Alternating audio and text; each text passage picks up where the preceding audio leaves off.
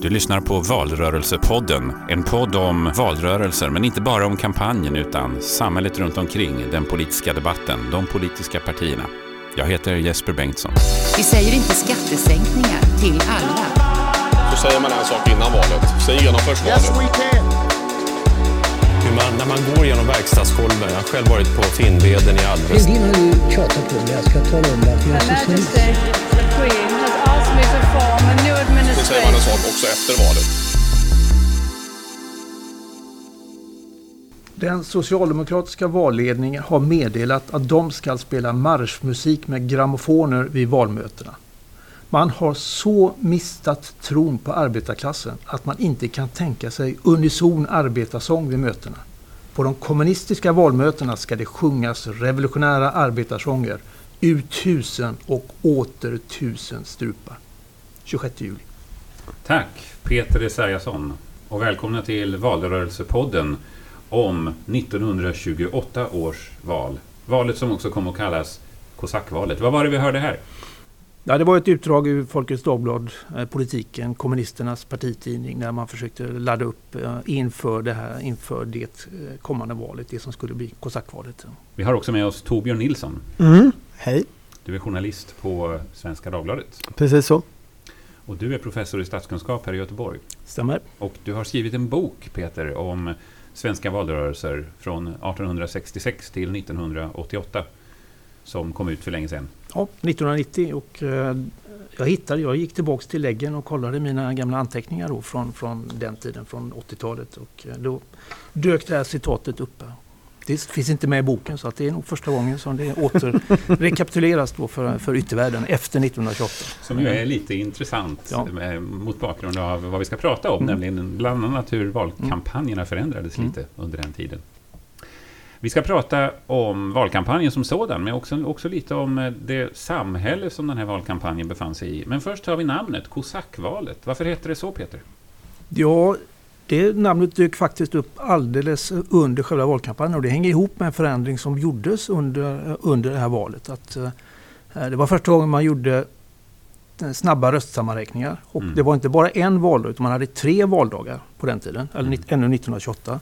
Så man, valde, man röstade på en lördag i Göteborg och några, stä, eh, några städer, på söndagen i ytterligare några städer och sen en vecka senare på lördagen i Stockholm. Det var när valres och det här var första gången som man gjorde en snabbsammanräkning av resultaten. Och det gjorde man då för att öka intresset kring valet. Så riksdagen bestämde, det blir en lång historia det här, men riks, riksdagen bestämde under mellanvalsperioden för att vi, vi måste göra någonting för att få upp valdeltagandet. Det var liksom allmänt försumpat. Det var bara hälften som gick och röstade av, av befolkningen då. Så att, eh, då tänkte man att vi måste öka intresset. Då gör vi en snabb sammanräkning. Eh, så länsstyrelserna fick i uppdrag att eh, räkna snabbt. Sen rapporterade de till Telegrafstyrelsen som sen ringde in till tidningarna och till TT så att man anordnade val, eh, valvakor. Först var man hade valvakor, annars hade det dröjt flera veckor innan man fick Mm. valresultatet. Mm. Så eh, när det här gjordes då på måndagen efter de två första valdagarna så såg man då från socialdemokratiskt håll att det här går ju fullständigt åt, åt. Att, Ja. eh, vi, vi tappar massor och högern går framåt och det måste ju bero på den här eh, kampanjen som de har fört nu. Att man eh, hade valaffischer med, med, med, aggressiva, med aggressiva budskap. Och, Där man egentligen målade upp att eh, Sverige skulle bli en del av Sovjetunionen om, om eh, vänstersidan vann valet. Ja, precis. Det, det, var, eh, det fanns egentligen fyra sådana affischer då som Mm. spreds över landet. Men då skrev man då på måndagen att det här är, det här är kosackvalet. Mm. Det, har, eh, det, det, det håller på att gå åt pipa. Vadå, Så begreppet kommer, det är Socialdemokraterna som myntar det själva? Absolut. I någon slags försvarssyfte? Yes. Och detta är första, egentligen, först, på sätt och vis egentligen det enda halvofficiella namnet på ett val som finns. Ju. Mm. Och, på, eh, särskilt länge, var- var- man kallar ju saker och ting på olika, men, men, kosack, eh, olika saker, men kosackvalet har ju fäst. Och det var, det var länge så, alltså, det liksom det enda namnet som fanns. Och det Mm. var Socialdemokraterna själva som myntade det i försvarssyfte, precis som du säger. Och sen så blev det då eh, stadfäst i deras eftervalsanalys, alltså några, Okej. några veckor ef- efter valet. Mm. Mm. Och har gått till historien som det är ju då. Precis, och Mm. det är ju mycket enklare att komma ihåg ett namn Ja. på, på, på ett val. Och Ja. Så att, eh, Efter det så har vi haft ett antal sådana val som kallas vid något särskilt som har präglat valrörelsen på något Ja, sätt. fast det, inte, det har inte fäst lika mycket som kosackvalet. va? Jag tänker det, miljövalet 88 möjligen. Ja, men, möjligen. möjligen. ja, fast det Men- var inte lika dramatiskt på det viset kanske. Nej, det var ju, det var ju eh, höjdpunkten på den gamla eran när Ja. man, man bedrev valkampanjer och, och väldigt speciellt val på många olika sätt. Mm. Men, men just namnet undrar jag om det är lika, lika befäst då. Så säl, man kan kalla det säldödsvalet, man kan kalla det många olika Ja. saker. Alltså. Så. Men här får jag bryta in Ja. lite för många av de här namnen på valrörelser som vi använder ibland Mm. när man pratar historiska valrörelser. Det är inte så att det är du som har myntat dem? Jo, jag, jag gjorde ett försök med, i, I den, här, i, den- boken? i den här boken. Alltså alltså. grispremievalet och allt vad de heter. Ja, det är väl bara du som kommer ihåg det tror jag. Så att det, Jag kan, vad kan det vara? 60, 52. 52? Ja, Ja. ser, jag kan inte Mm. det. Jag hade brister. Ja. Mm. Mm. Eh, när vi talar om 20-talet i Sverige då, jag tror vi måste sätta det i ett sammanhang för att förstå det här begreppet kosackvalet också. Eh, det är ju en tid som präglas av efterkrigstid, att det inte var jättelänge sedan som första världskriget slutar. Eh, Sovjetunionen har uppstått efter revolutionen 1917. Det finns en enorm skräck för bolsjevismen i Sverige, bland, framförallt i den politiska högern, som de också tycker att de kan eh, liksom, använda. Är det här en korrekt beskrivning tycker du Torbjörn? Ja men det tycker jag. Det är ju en del. Jag, jag skulle nog vilja addera några om man ska måla upp det där 20-talet. Demokratin är ju ny Ja. i Sverige. Mm. Och det är ju ingen succé det här med demokrati.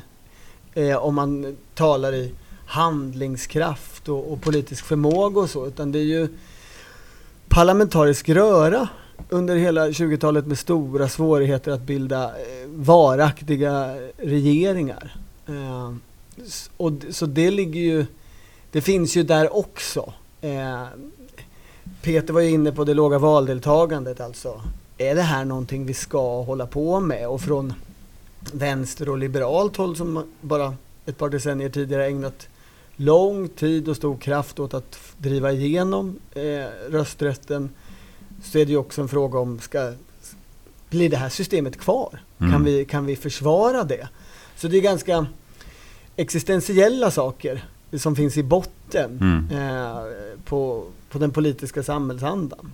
Och, och sen är det ju också en, en tilltagande vänster och högerkonflikt. Mm.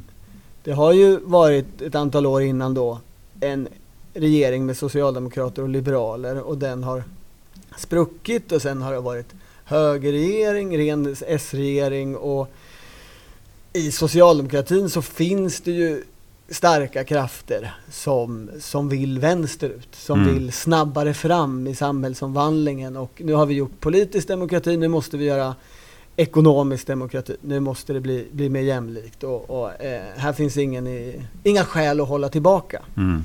Kom ihåg att eh, vid den tiden, socialdemokratiska regeringen 1920, de tillsatte ju en eh, socialisationsutredning som satt under väldigt lång tid. Och ett av vallöftena som Socialdemokraterna hade inför valet 28, man hade ju vallöften då också, det var att eh, ge, ge direktiv till den här socialisering, socialisationsutredningen att öka tempot. Mm. Så det var en stor uppgörelse på den socialdemokratiska partikongressen på våren 1928. Hur mycket vänster ska vi gå? Hur mycket höger ska vi gå?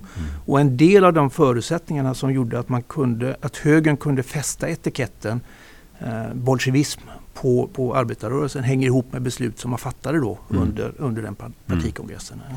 Men det var också den här perioden när en sån som Nils Karleby publicerade Socialismen inför verkligheten och Ja. sådär. Så att det, fanns, det fanns ju verkligen den debatten. Ja, och den är ju då mer reformistisk eller högerlutande. Så, men det fanns ju där, men den, det vann ju inte precis där i början. Alltså Nej. det, det, jag tänker också att det har att göra med att vi tänker ju Per Albin Hansson idag som landsfader, är allsmäktig inom partiet.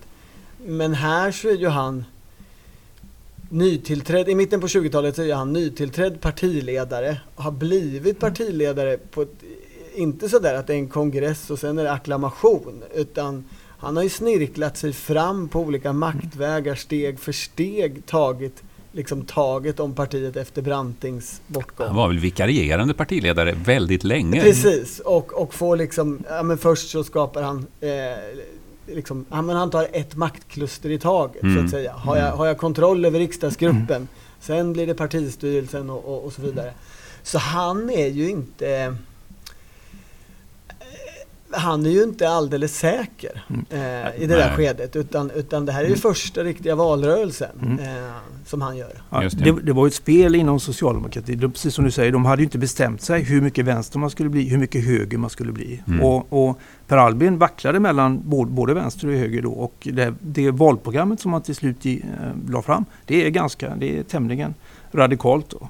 Och sen är det också en, en del av historien att eh, det gick ju inte så bra i, i den här valrörelsen. Och eh, Wigforss var ju en av Per Albins främsta antagonister. Alltså Mm. Han var ju till och med med som en motkandidat då på våren 28 när, när Per Albin valdes. Mm. Så att eh, Per Albin spelade spelet smart. Han fick valförlusten som det ju blev Mm. att handla om Wigforss. Han fäste den på Wigforss. Mm. Det var liksom Wigforss som bestämde, la fram den här berömda arvsskattemotionen då, som, som vi snart kommer, kommer att komma in på. Mm. Och Per Albin sa att det var det som låg bakom att vi förlorade, eh, förlorade valet. Mm. Tveksamt om han hade rätt. Mm. Utan det var antagligen, eh, det finns bättre argument för att det var en mycket bredare problematik. Att Mm. partiet hade gått för långt åt vänster, partiet samarbetade för mycket med bolsjevikerna. Och det lärde sig Per Albin efter det här valet. Så han, han fortsatte att spela spelet smart. Han kunde eh, att, liksom befästa sin egen ställning. Säga att hans främsta antagonist hade gjort strategiskt felval. Eh, och, Mm. eh, därmed, och samtidigt som man då vet vi då från, från eh, ja, historiska avhandlingar att det var ju liksom då partiet, han bestämde väg för partiet. Nu stänger vi mot kommunisterna. Kommunisterna blir en huvudfiende. Eh, Vi måste, vi, vi måste liksom göra slut med dem. Vi måste staka ut vår egen väg. Mm. Så även om han höll folkhemstalet 19, på våren 28 så hade han inte, den vägen var inte fastlagd utan den följde efter som en konsekvens av att det gick så dåligt i det här valet. Mm. Så det är ett superviktigt val för Per Albin och för socialdemokratin. Mm. Han var vikarie, han var vice partiledare. Sandler var partiledare ett tag, eller hur? Ah, inte parti, han blev statsminister. Ja, just det. Men eh, så Per Albin blev eh, De facto partiledare. därför att han var ordförande i partistyrelsen. Just det. Partiorganisationen var mycket viktigare än riksdagsgruppen då på den tiden. Just det. Just så att han hade, inte, han hade ingen annan position än att vara ordförande i partistyrelsen. Mm. Den som var ordförande för riksdagsgruppen det var Bernhard Eriksson, en sån här gammal trotjänare inom, inom partiet. Alltså. Mm. Så att det var verkligen några år där, där det vacklade. Och Wigforss hade antagligen inte haft något emot att själv liksom få den, eh, hamna i den positionen. Så att det var ett internt maktspel också att ta hänsyn till. Du sa att vi ska återkomma till det här med arvsskatten, så då gör vi det då. Vad, vad handlar det om? Ja, det, var, det var ju två stora eh, konfliktfrågor då, på, på våren 1928. Som, eh, eh, en av dem handlade om att man måste reformera ja, ar- arvsskatten helt enkelt. Då. Det var rikedomsfördelningen i samhället. Den Mm. var alldeles för ojämn. Och det var egentligen är det ju, eh, regeringen Ekman, de frisinnade regeringen ihop med Liberalerna som la fram en motion eh, på, om, om förändrad skärpt arvsskatt. Eh, Socialdemokraterna eh, la en följdmotion som, under, som eh, Wigforss skriver i sina memoarer. Per Albin fick mig att underteckna ensam, alltså, eller tillsammans med Gustav Möller. Då. Men eh, det var uppenbart att det var Wigforss som skulle, hans namn skulle fästas vid den. Då. Eh, som då var lite radikalare och då hade han den här formuleringen alldeles i upptakten på motionen av att fattigdomen fördras med jämnmod om den delas av många. det, det är ju ett sånt citat som, som alla politiskt intresserade kommer ihåg. Mm. Eh, och det, det högg ju Mm. eh, motståndarna på. Att eh, man, man vill ha alltså, avundsjuka. Mm. Man vill liksom fästa etiketten avundsjuka på, på socialdemokratin. Så att det blev ju ett tema i valrörelsen. Men om Per Albin har rätt, hans, hans analys av valet, det var att det var det stora temat. Det var det som gjorde att vi förlorade valet. Mm. Men det är mycket tveksamt. För det, om man läser i källorna och man läser de analyserna som ändå har gjorts av, av valet så var det en bredare attack mot socialdemokratin. Som inkluderade bolsjevismen och som Mm. inkluderade samarbetet med kommunistpartiet som man faktiskt hade. Mm. Och som, Man, som man hade ju en valkartell. Precis. Eh, och, och, och mot det så fanns det ju faktiskt en samlad borgerlighet Ja. I, i en kartell också. Ja. Eh, Det var, det, var, det var ju mycket mer, allting var mycket mer de, decentraliserat då. Mm. Så att eh, det var ju, egentligen fattar man ju beslut i varje valkrets eh, hur man skulle organisera sig. Mm. Eh, och det, de borgerliga hade mer ett formellt samarbete än vad, än vad vänstern hade. Socialdemokratin eh, valde bara att gå fram och kalla sig för arbetarparti som man har gjort de senaste under som kartellnamn. Och då kunde kommunisterna kommunistpartiet ha samma kartellnamn. Så eh, utan att man var formellt överens om det så var det liksom en tyst överenskommelse. Att man Mm. båda skulle kunna ha samma namn på, på överst på valsedeln. Och det gjorde man då därför att det inte fanns utjämningsmandat på den tiden. Utan det var verkligen så att inga röster skulle bli förlorade i valkretsarna. Mm. Så, Och, och det där har väl egentligen inte hänt eh, därefter. Alltså det, det där är ju en eh, lärdom som man drar efter det här valet och som Alltså första gången det blir diskussion på riktigt om sånt egentligen är 2010. ja, När Mona Sahlin och, och Lars Ohly och, Mm. eh, Ja, ska eller inte ska. Mm. Ja, det var ju också med, med Centerpartiet som, som vi pratade om i- inför snacket. Centerpartiet och eh, Kristdemokraterna Mm. med Alf Svensson 85. Ja. Alltså. Ja, det var det. något lik, liknande så. Men Men för socialdemokratin och att ha ett organiserat samarbete vänsterut, Mm. det, är, det, är ju, det är en lång period. Ja, om, man, det- Mm. om, man, om man losar ett val 28 så, så liksom har- har det verkligen bränts fast att det där ska vi inte göra igen. Precis, men det, det är ju led i ett större strategiskt arbete. Man Mm. drog slutsatserna. Vi, kan, vi måste stänga dörren mot eh, vänsterut mot kommunisterna. Och det var ju Per Albin som drog den slutsatsen. Mm. Och sen såg de då till att ändra reglerna i vallagen så att det inte längre var möjligt att eh, eh, man, man, eller partierna kunde registrera en egen partibeteckning. Så sossarna tog beslag, la beslag då på ett, eh, namnet Arbetarpartiet. Men det, det här samarbetet, med den formella samarbetet kring valbeteckningar hade ju fortsatt eh, pågått ända sedan 1917 så det var ingen ny grej i det här valet. Nej, utan nej, det, nej. det var bara att det var en diskussion om att ska vi verkligen låta kommunisterna öppna för de här möjligheterna. Mm. Det är ju också väldigt roligt den där efterdebatten om arvsskatten. Alltså, Wigforss ägnar ju ändå ganska stort utrymme i sina memoarer eh, åt att eh, gå igenom hur kom den här formuleringen till. Per Albin sa att det var bra i början, sen så smet han från ansvar efteråt.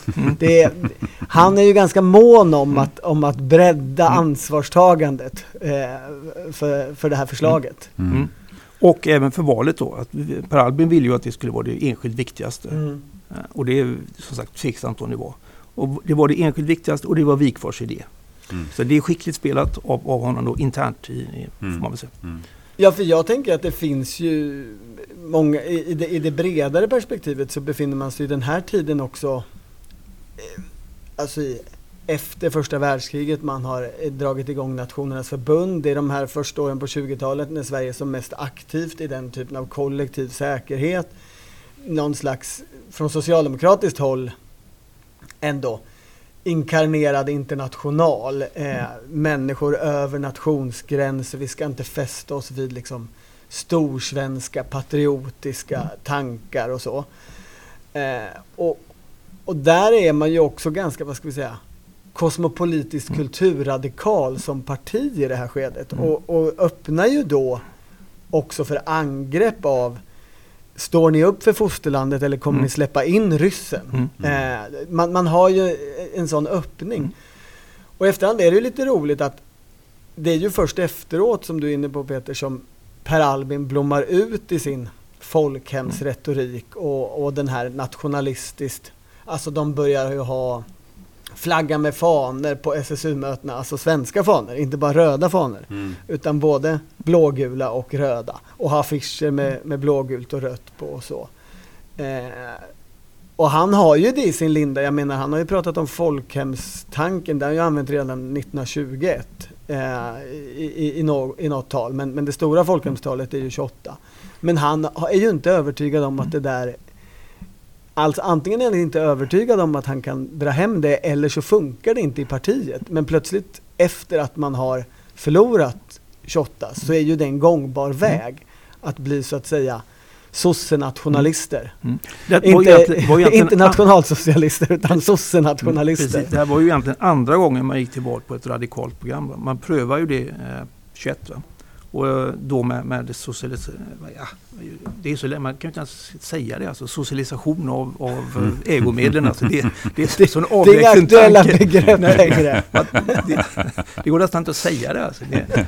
Man gick till val på det och det gick inte så bra och så gjorde man om samma sak 28 och det gick inte så bra då heller. Och då hade han liksom eh, dubbla argument. Det här funkar inte. Vi Nej. måste pröva någonting annat. Vi måste göra oss av med de här samarbetet Mm. vänsterut och liksom hitta, hitta andra vägar framåt. Ja.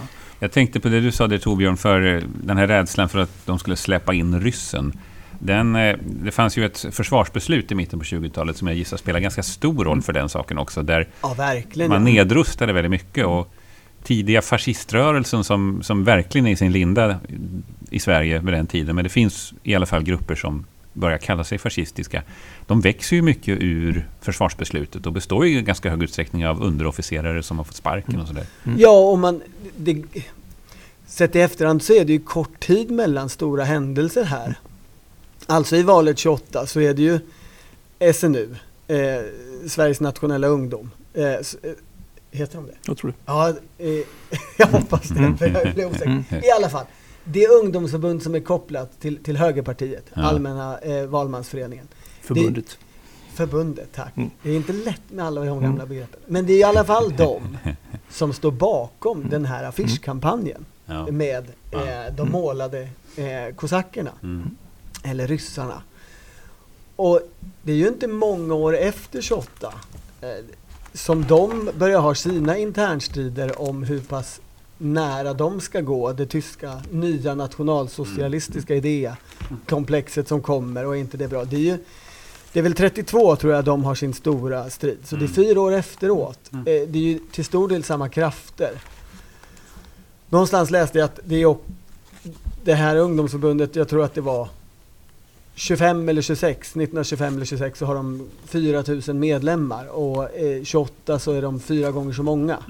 Eller något sånt där. Det- De gör en enorm tillväxt där efter det här försvarsbeslutet 1925 och i hela den samhällsutvecklingen som är där.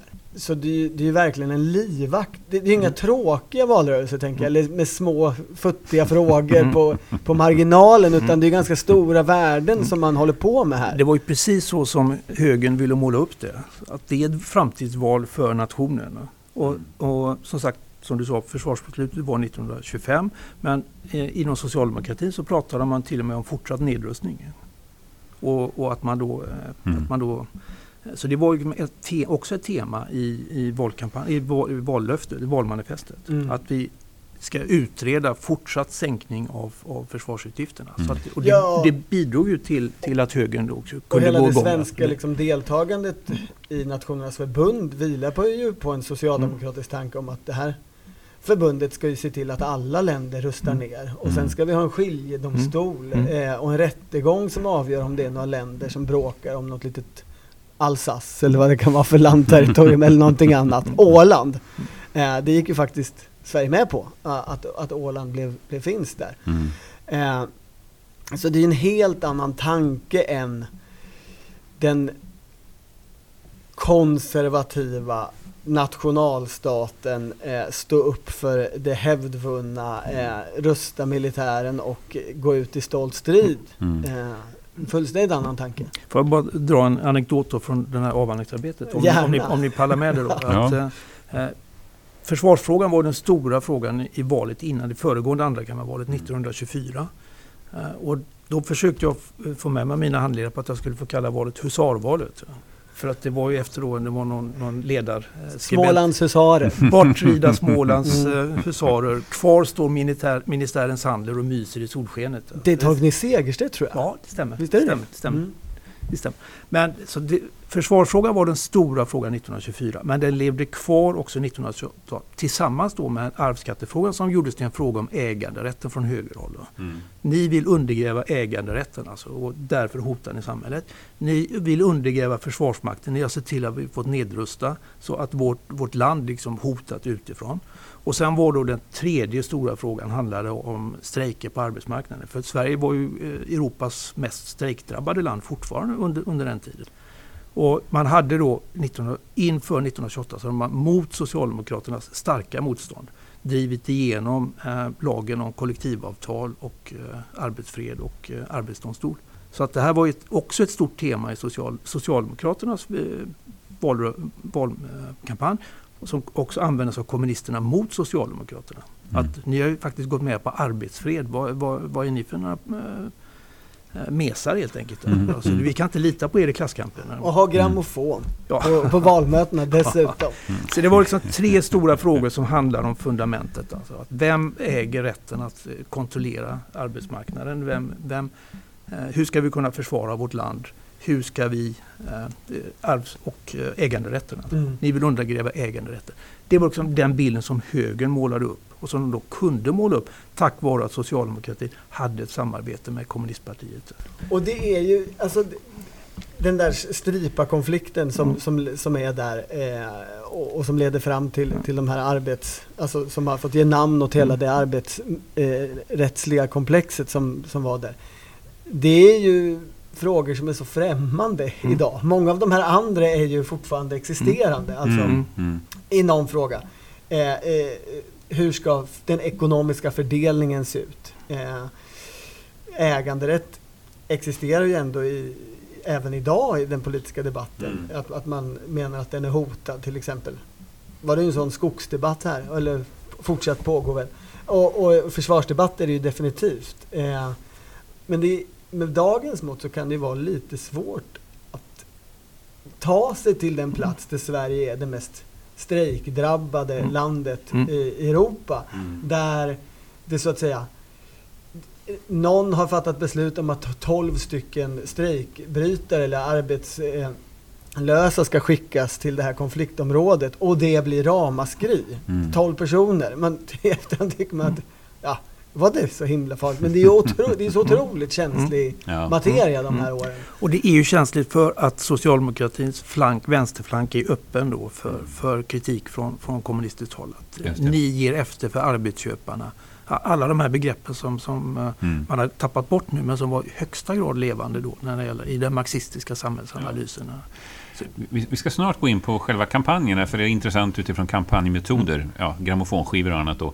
Men eh, jag tänker också att eh, kommunisternas ställning här kan vara intressant för att det låg väl någonting i kritiken från höger att, att det liksom fanns ett hot ifrån Ryssland här. För de var väl extremt styrda av Mm. eh, Komintern och, Mm. och Kreml vid den tiden. Absolut.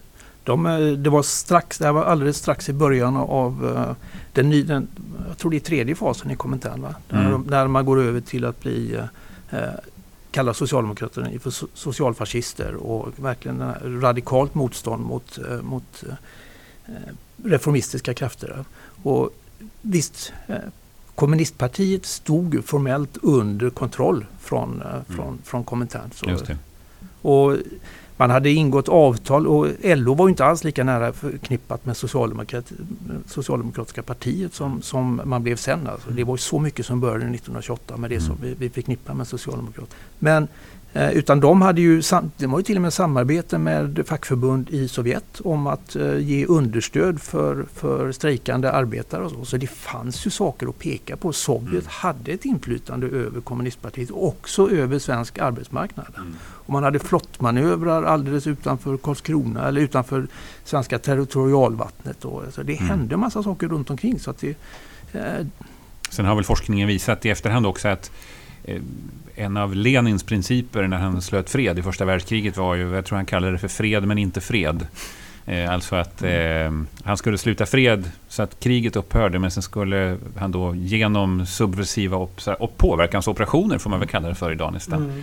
Så skulle han så att säga stimulera revolutionen i andra länder Mm. också, bland annat Sverige då. Så det Ja. fanns ju en sån aspekt. Mm. Och, och, och har, tittar man lite utanför Sveriges gränser så är det ju under de här åren som en sån psyops-operation pågår i, i den finska socialdemokratin.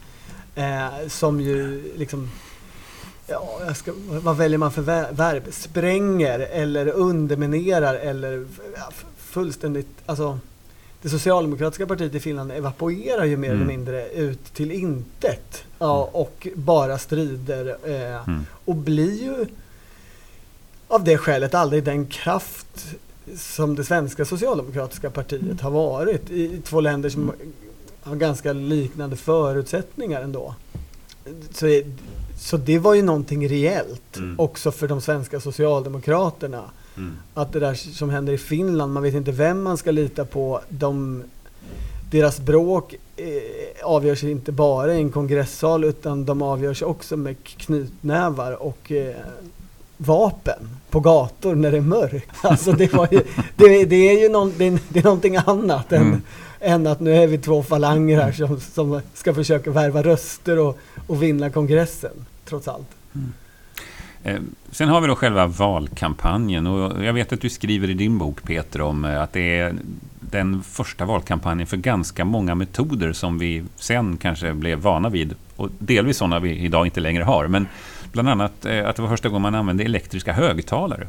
Ja, i lite större skala i alla fall. Ja. Det var, fram till dess så hade ju det, den tekniken fanns ju inte. Om man liksom tittar på, det är ju en del av faktiskt förutsättningarna för Nazityskland så småningom. Ja. Alltså, det var en ny sak att Hitler kunde adressera de här enorma folksamlingarna Ja. tack vare tekniken då med, med elektriska högtalare. Det har inte gått annars.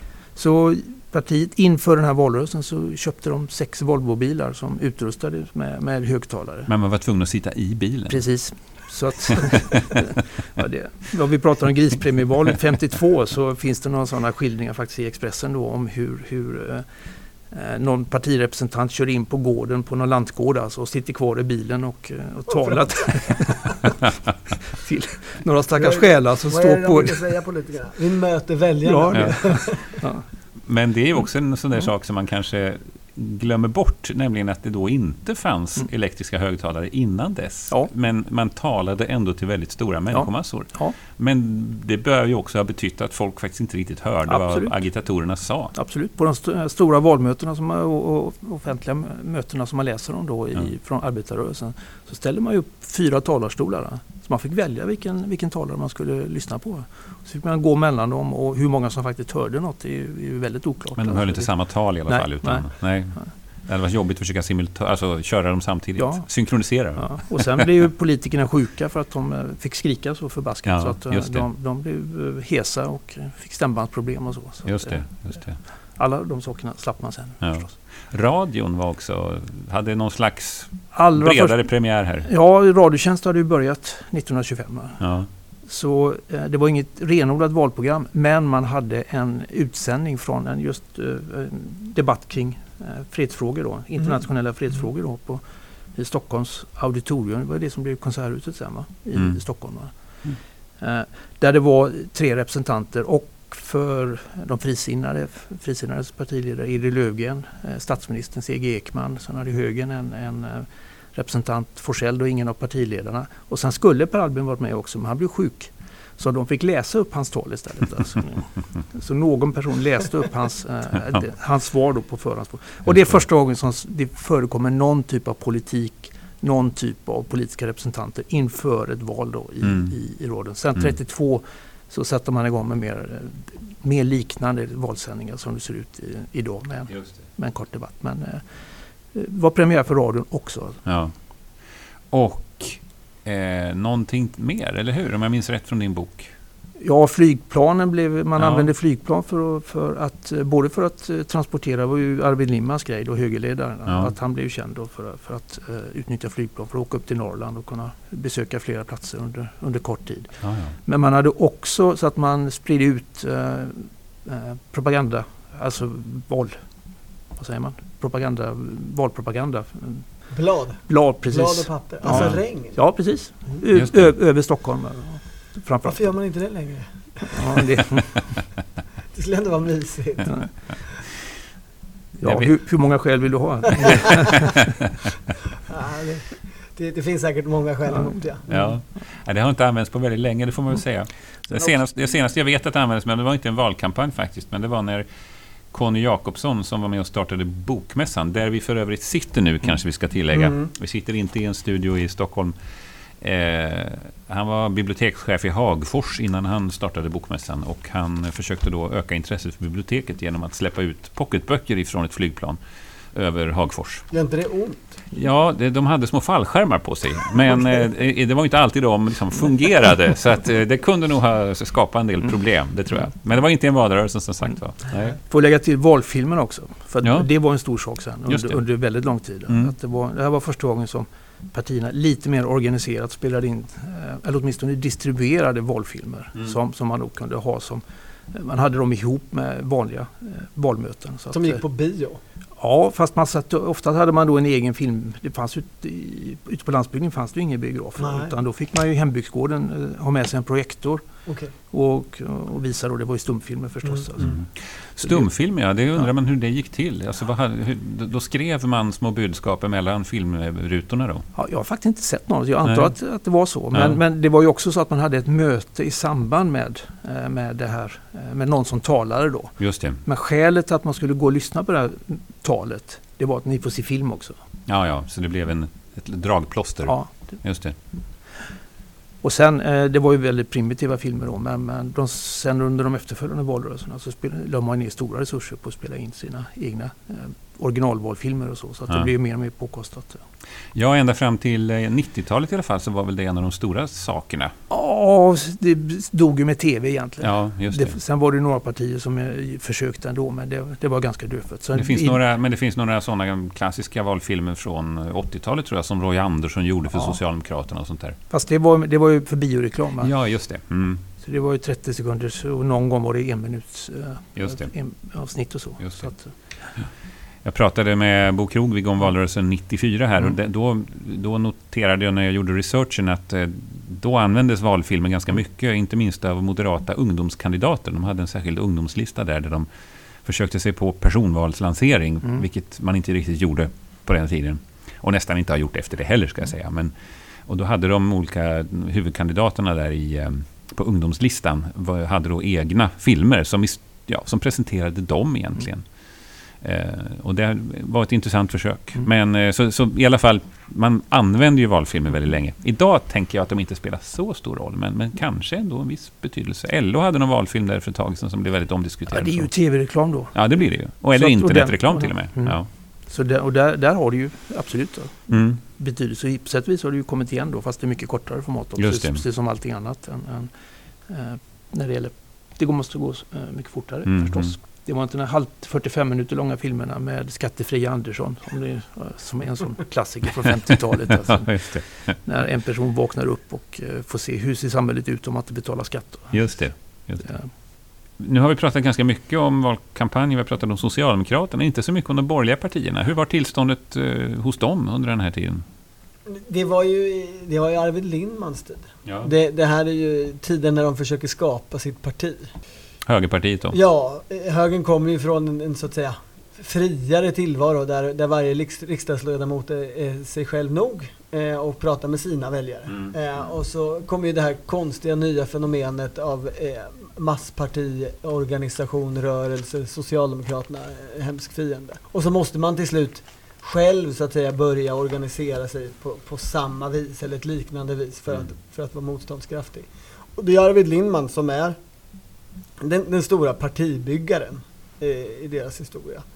Och det här är ju en viktig seger i den rörelsen. För, för dels så, eh, som vi var inne på med ungdomsförbundet som gör den här kampanjen Mm. som då i efterhand har fått ge namn och, och, och kanske också vara effektiv. Eh, av allt att döma var den i alla fall inte ineffektiv.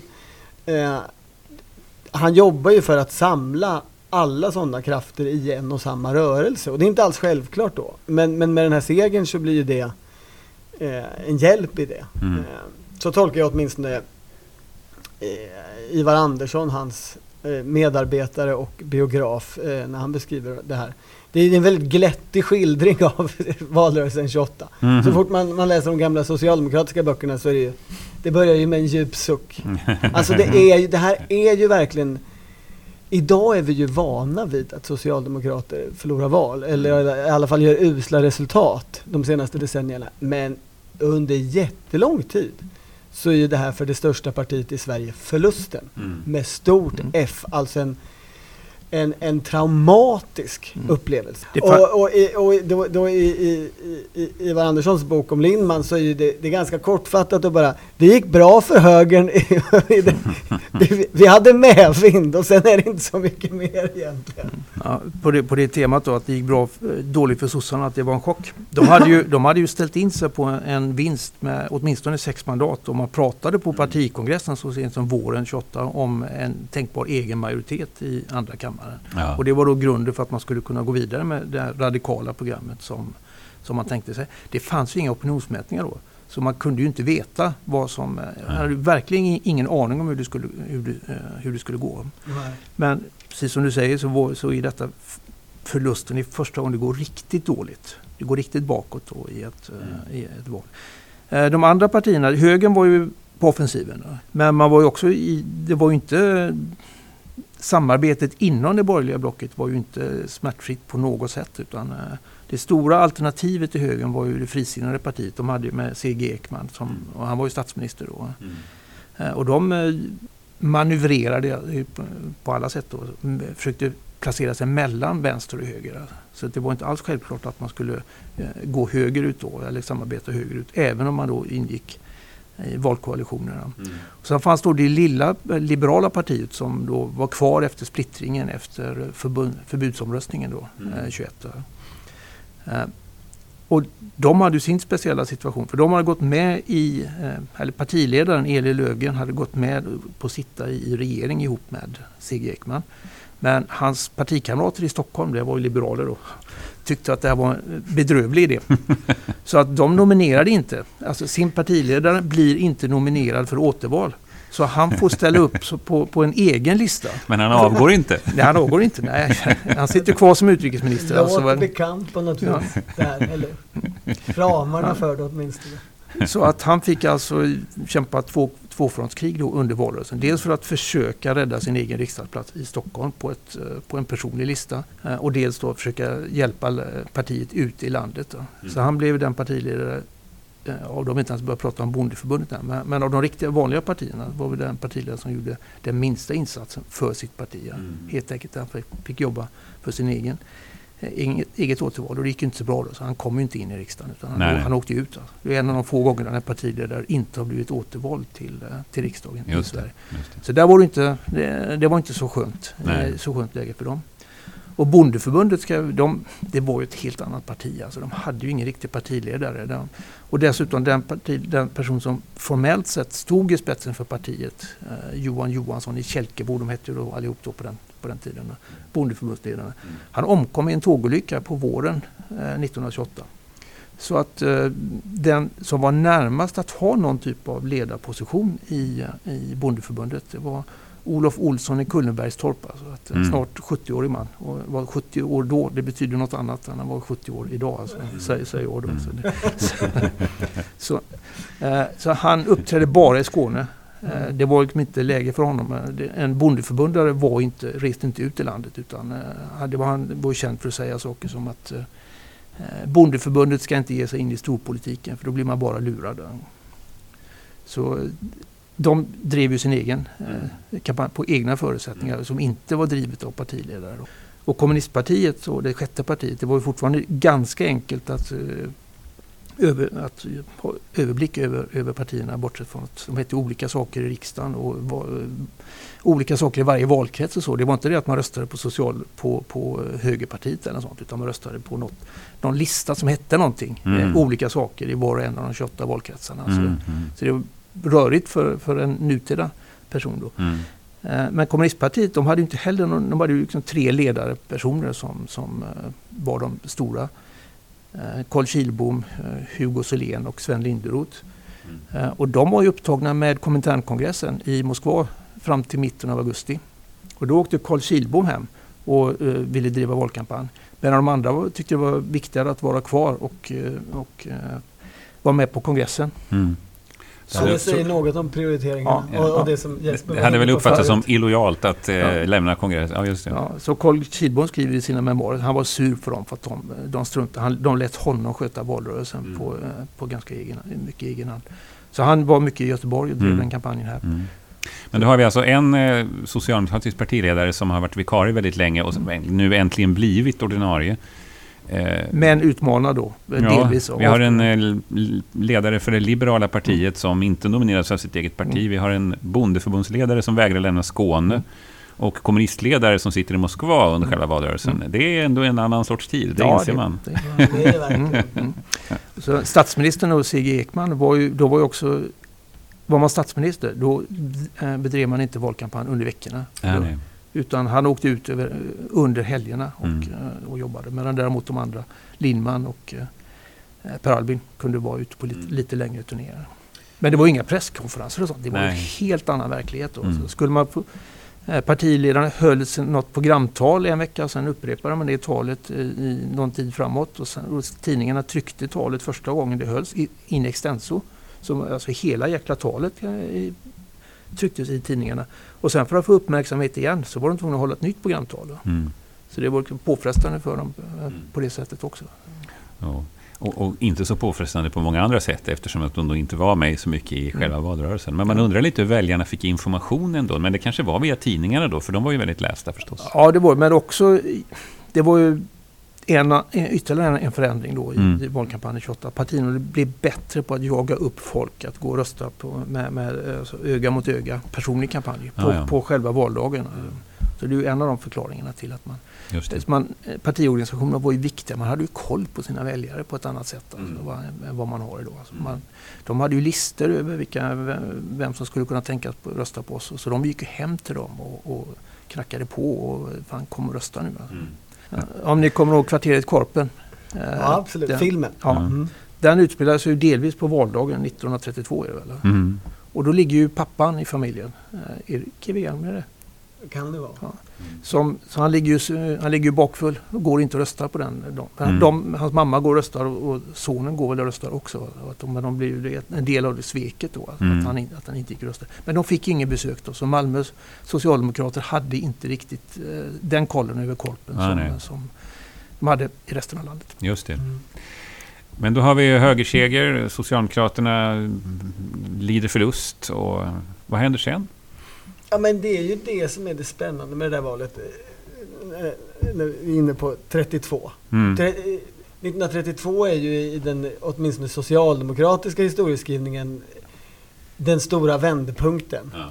Det är då eh, socialdemokratin får makten, genomför de stora reformerna, startar hela liksom, den svenska keynesianismen och, och Stockholmsskolan, gör upp med bondeförbundet eh, och tar nationen i sitt grepp och tar ansvar för den som ett litet barn och Mm. vårdar det un- under många decennier framöver. Har regeringsmakten i 44 år Ja, faktiskt. och, och det är bara fyra år då. Från det här fullständigt nesliga nederlaget där man utmålas och låter sig utmålas som samhällsomstörtande, eh, f- fosterlandsförrädare Mm. och, och allmänt opålitliga. Eh, till, att bli, till att lyckas dra hem eh, att rege, s- samregera mot med då mycket konservativa bönder och eh, få, få någon form av eh, folkhemsstämpel på sig Mm. eh, vartefter. Det, det, det är inte som att man får det direkt 1932 men det är en otrolig eh, revansch det där. Och man kan ju fråga sig om, om man tänker lite kontrafaktiskt. Hade det här överhuvudtaget gått att genomföra? Alltså samarbetet med bondeförbundet. Det var inte som att det var okontroversiellt i socialdemokratin. Nej. Hade Per Albins hela blågula eh, fosterlandsfolkhemsidé gått att genomföra om man inte hade gått så otroligt på pumpen 28. Mm. På sätt och vis så är det ju likt eh, Nya Moderaterna. Mm. De höll ju inte i lika länge då som Per Albin social, Socialdemokraterna direkt. Men det liknar ju det där, det fullständiga nederlaget Ja. för Moderaterna 2002. Skamfyllt lågt Mm. eh, resultat. Och, och sen därmed så öppnar, öppnas portarna för vem som än kommer som har en riktig idé som Mm. liksom är någonting annat. Ta vad som helst men, men det finns en möjlighet till förändring Mm. in, inför det valet 2006. Och det, och det är ju lite likt eh, 28 och 32. Mm. Och man kan verkligen tänka sig att det är mycket som hade kunnat gå mycket annorlunda i svensk Mm. politik om Socialdemokraterna inte hade förlorat så där hårt Mm. 28. Och det var Per Albin som drog rätt slutsatser av det, för Socialdemokraterna rätt slutsatser. Så det var ju som sagt att stänga dörren mot kommunisterna, att inte aldrig mer liksom utsätta sig för risken av att kallas för bolsjeviker. Och han Mm. fick ju också sitt tillfälle, om vi nu pratar framtiden, det Mm. var med, i och med Årdalen 31. Ja. Det var, det var ju också det var liksom hans tillfälle att kliva fram och säga att vi, vi står för ordningen i samhället. Alltså. Mm. Det, det var en, en sån fight som han behövde Det för är ju att roligt kunna... hur den har förändrats sen över tid, historieskrivningen. Alltså då, Ja. 31, så är det viktigt för sossarna att säga att det är, det är kommunisterna Ja. Mm. som, som håller Mm. på med de här Mm. eh, illegala demonstrationerna. Det är Mm. inte vi som Mm. gör det. Och, och på 70-talet sen så blir det Vilket eh, ju en vacker också, socialdemokratisk historia. Ja, vilket ju är- också speglas väldigt bra, alltså den första bilden speglas också väldigt bra i en Bo Widerberg-film om Ådalen Ja, faktiskt. just Just, det. konflikten mellan Socialdemokraterna och kommunisterna. andra gången en Bo Widerberg-film dyker Ja. upp här Ja, alltså, men det är det. samtalet. Ja. Nej men det, den där lever ju också kvar så länge. Jag, jag vill ju mena att den här diskussionen som var 2010 när Mona Sahlin skulle bilda en, en, en allians, en rödgrön allians. Just det. Och, och det LO och, eh, surade för att då Vänsterpartiet inte var med och diskussionen, går det samarbeta med Vänsterpartiet? Mm. Den kommer ju från, från Det- så långt tillbaka som 28. Ja. Där Mm. är, är det ju liksom, Mm. det här tänker vi inte göra mer. Ja. Och, och det tänker vi verkligen inte Mm. göra mer. Det är, gör vi det så är det livsfara. Mm. Vi kan till och med, det som hinner hända fram till 2010, ju, vi kan till och med göra upp med Carl Bildt och Moderaterna om att, om att gå med i Europeiska gemenskapen. Mm. Eh, men vi håller inte på med Vänsterpartiet. Nej. Det gör vi inte. Och efter 2010 så slickar ju Socialdemokraterna sina sår igen efter en överraskande förlust. Ja. Så att det finns ju likheter där också. Absolut. Mm. Eh, och, och, så, det är ju ett, ett väldigt betydelsefullt val för, för hela socialdemokratin och därmed för Sverige och de reformer som, som eh, Socialdemokraterna kommer med sen. Mm. Men det är ju också ett viktigt val för högern för att det, det är ju en succé men det är ju också en succé gjord på de här eh, ungdomsförbundet som man fyra år senare liksom har nazistiska problem med. Ja.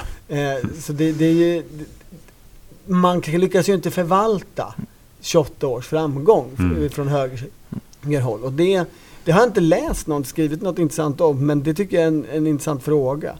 Varför klarade man inte av Mm. i högerpartiet att, att kapitalisera på det här ordentligt? Sen, det var ju hela arbetarrörelsen som förändrades. Jag vill bara, eh, källan till mycket av det om man vill läsa om det här. För det, så är, har Bernt Schillerqvist skrivit en, en bra avhandling som heter alltså, Från eh, kosackval till, eh, till eh, kohandel. Mm. Som handlar om just de här åren och det, hur Per Albin mobiliserar inom partiet, får med sig fackföreningsrörelsen. Alltså att på, på ganska oschyssta grunder. Alltså hålla kommunist, kommunister borta från allt maktinflytande. Mm. Så att det, det är så mycket i den moderna arbetarrörelsen som dels man tycker som kanske inte riktigt håller för att visas upp i dagsljus idag. Men som börjar 1928. Ja. Så jag, Ja, köper, helt- det- jag håller helt med om den Det är ju analysen. att rimligt det, när man läser mm. Kihlqvist i alla fall att tänka sig att ja, IB hade inte existerat om inte 1928s val hade, Nej. hade slutat som Mm. det slutade. Till Nej. exempel. Nej. det kanske viktigaste, en av de viktiga strukturella sakerna som hände det var att valdeltagandet ökade Just mycket det. kraftigt. Just det. Och det var inte bara i det här valet utan det blev en långsiktig förändring. Det skedde en nivåförändring efter detta som tyder på att partiorganisationerna tog ett starkare grepp om valmanskåren. Mm. Så man blev bättre på att liksom kommunicera med valmanskåren. Det, valdeltagandet ökade med 14 procentenheter från 53 till 67 procent. Mhm. Och det är alltså den en, klart en, största enskilda ökningen någonsin i, i svensk eh, valrörelsehistoria. Mm. Så eh, det var inte bara att det var teknikaliteter, men det var, det var viktigare än så. Alltså. Mm. Så att det var en kommunikation mellan partiorganisationerna och medborgarna som, som ändrade karaktär då. Mm. Fint att du Ja. får sluta med en sån eh, riktig statsvetarsak. Ja. Valdeltagandet. Ja, Ja, det, är bra att det är med, tycker jag. regeringsbildningen också då. För att eh, Mm. Ekman, regeringen, ministären Ekman fick av, avgick bara eh, dagarna efter valet och Ja. efterträddes då av ministär Lindman med Mm. eh, gamle Ernst Trygger som utrikesminister. Men den höll ju bara två år sedan. Just det. Ja, och då vill jag säga en sak. Att den regering som sitter idag, det, när man ska- ska beskriva den så, så har ju människor haft svårt. Eh, vad är det här? Ja. Eh, och ska man jämföra med något historiskt så är det ju den regering som, som kom efter 28. Alltså ett så så att säga mörkblått konservativt eh, konservativ regering har vi nog inte haft i Sverige sedan 1928. Mm. Eh, och, och det är väl det, det, det, rimligaste som man ska jämföra ministären Kristersson stödd Mm. av, av Åkesson med tycker jag. Mm. Ja, det är ju en högerregering, men vilka, motsvarigheten till Sverigedemokraterna fanns ju inte. Nej, det finns ingen sån direkt översättning utan mer graden på färgen, Ja. inriktningen. Det har ju aldrig funnits en hög, alltså alla andra högerregeringar som har kommit sedan dess har ju alltid balanserat om man så vill eller, eller eh, fått ha med eh, ljusblåare Mm. krafter eller till och med eh, gröna och partier som, jag menar Fälldinska regeringarna, de, de hade ju de, de, i, Idag så tycker väl en del eh, eh, till höger att de var närmast socialdemokrater i sin ekonomiska politik Mm. och sådär. Mm. Eh, så att eh, man har ju hela tiden, Moderaterna har ju hela tiden behövt balansera åt det hållet. Eh, på det sättet tänker jag att dagens regering ändå har likheter med, Mm. med Lindman 28. Bra, tack ska ni ha. Mm, Peter Esaiasson, professor i statskunskap i Göteborg och Torbjörn Nilsson, journalist på Svenska Dagbladet. Jag heter Jesper Bengtsson och eh, ni har lyssnat på valrörelsepodden om kosackvalet 1928.